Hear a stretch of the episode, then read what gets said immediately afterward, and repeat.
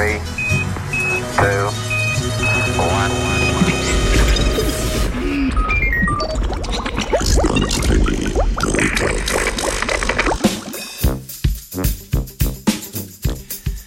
Prva računalniška simulacija možganov. Odslej hitrejše in bolj točno prepoznavanje okužb. Genske tehnologije obetajo presajanje organov z živali na človeka. V tokratnem znanstvenem Britofu se navdušujemo nad napredki v medicini in neuroznanosti.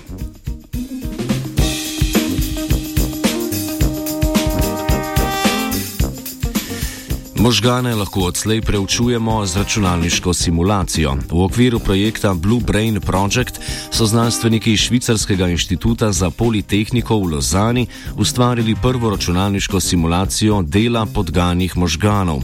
Projekt je sicer del milijardov dolarjev vrednega Human Brain Projecta, katerega namen je izdelati popolno simulacijo človeških možganov.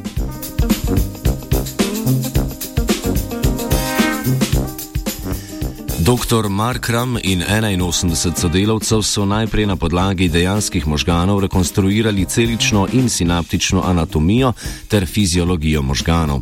Pri izdelavi simulacije niso posnemali delovanje vsake celice iz dejanskih možganov, pač pa so iz delovanja manjšega števila celic in njihovih povezav sklepali na delovanje večjega omrežja.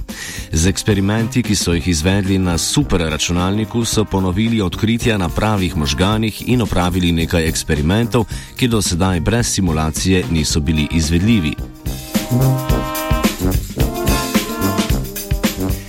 Simulirali so zgolj 30 tisoč možganskih celic, zato je pot do rekonstrukcije človeških možganov s 85 milijardami nevronov še dolga. Kljub temu so začetki obetavni, saj eksperimenti v simulaciji, ko je enkrat narejena, zahtevajo manj časa in denarja, pa tudi manj žrtvovanih živali.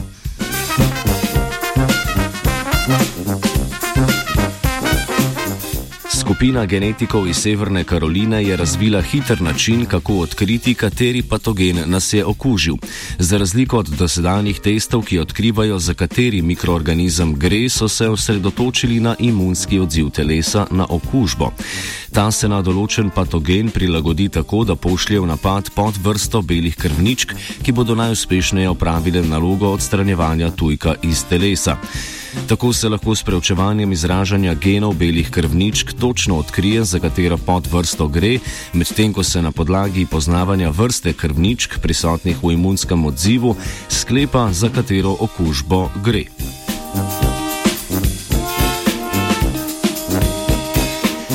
Nova metoda identifikacije tujkov v telesu je veliko bolj zanesljiva od sedaj uporabljenih hitrih metod in ne daje lažno pozitivnih izidov. Z njo bodo osebni zdravniki lahko zanesljivo izvedeli, s kakšno vrsto okužbe imajo opravka in predpisali ustrezno zdravilo ali poseg.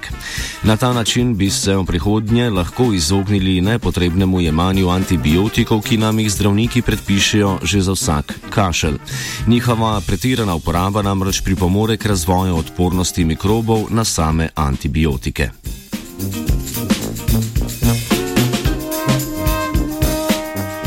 Velik korak v medicini se obeta tudi na področju presajanja organov.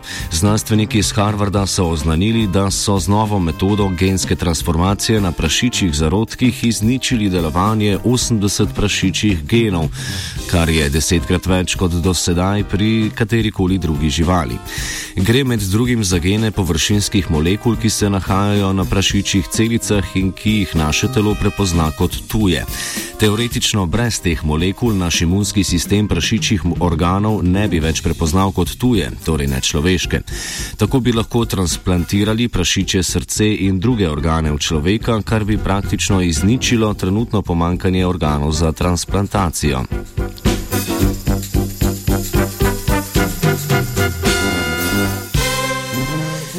Transformirani prašiči so zaenkrat še enocelični embriji, ki pa jih bodo v kratkem ustavili v maternice odraslih svin. Ko se bodo skotili in odrasli, bodo lahko znanstveniki preizkusili, ali jim je uspelo zadosti spremeniti prašiče za izvedbo uspešne transplantacije. Do kirurškega prenosa organov iz prašiča v človeka lahko sicer traja še nekaj časa, a kljub temu bodo rezultati pomembna izhodiščna točka za nadaljne poskuse pridobivanja nadomestnih organov iz živali.